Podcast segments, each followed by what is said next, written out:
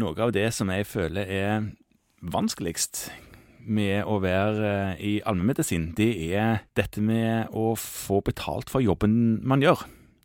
Det er greit nok med konsultasjonen og konsultasjonstaksten og labtaksten og EKG du tar og spirometrien du tar og der og der, der, men det er når du sitter og jobber med papirer etterpå. Det er greit nok med forsikring, for da er det forsikringsavtaler. Men Ja. et eksempel på noe du må gjøre som du ikke får betalt for, i det hele tatt, alltid, aldri, det er MSIS-rapporten. Ja.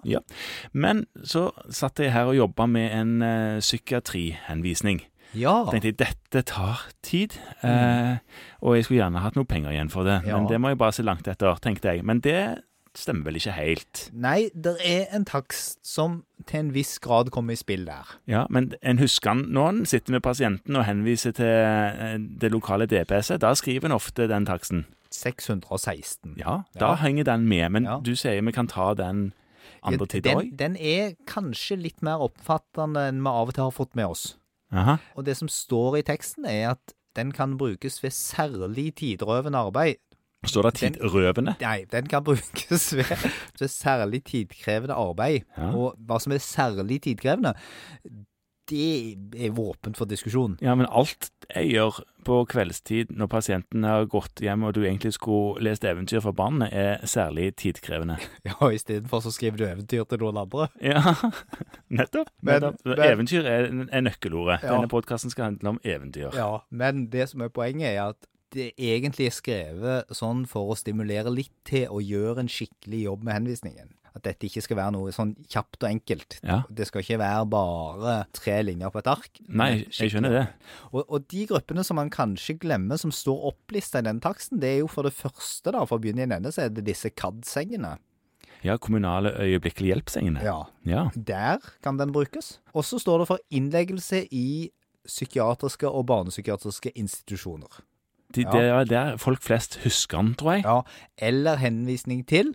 Sånn at strengt tatt så kan man også si at så lenge det er en institusjon, så er en henvisning til tilstrekkelig for å fylle ut brukertaksten. Og det er sånn jeg òg har tenkt å bruke. Men du sa institusjon. Ja, Hva betyr hva, Altså Hvis du henviser til en eller annen avtalespesialist, da. ja, det er enkelte av disse er jo nærmest å se på som institusjoner, men det er nok litt uklart om teksten i utgangspunktet omfatter de.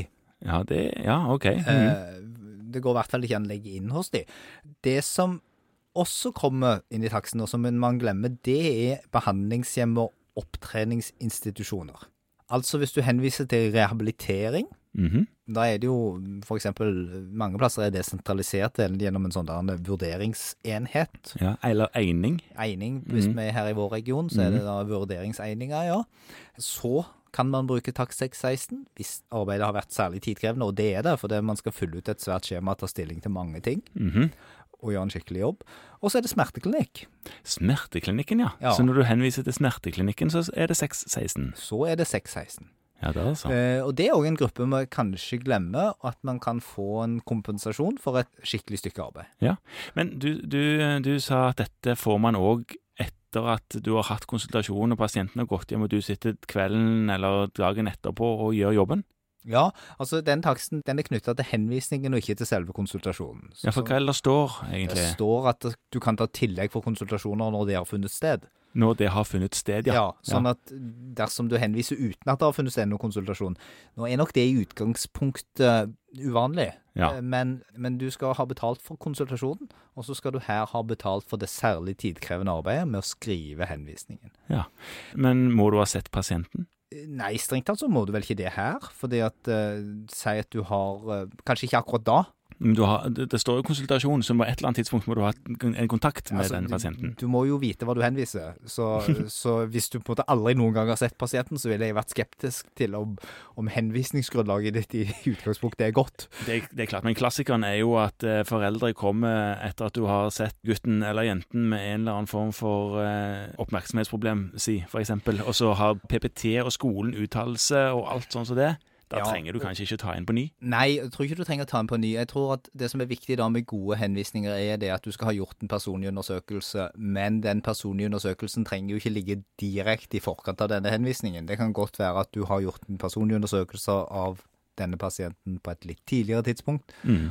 og så samsvarer det godt med noen ytterligere rapporter, og så setter du det ned og skriver henvisningen, Ja. så kan den stå for seg selv. Men på et eller annet tidspunkt må du ha hatt en konsultasjon som er i forkant Ja, av denne det må jobben. du. Ja.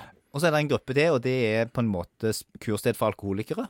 Avrusning. avrusning, Ja. eller andre behandlingsinstitusjoner for alkoholikere eller rusmisbrukere, og spesialbehandlingssenter for psykisk utviklingshemmede. Der har vi på en måte noen sånne spesialklinikker rundt omkring i landet, mm. driver med det, der du også utløser takst 616. Dette er det ingen som kan huske, så det jeg tenker er at hvis du skal skrive en henvisning av et visst omfang til en eller annen institusjon, så gå inn og sjekk taksten, for her kan man gå glipp av en del, og i hvert fall få kompensert noe ekstraarbeid i en travel fastlegehverdag. Ja, fint.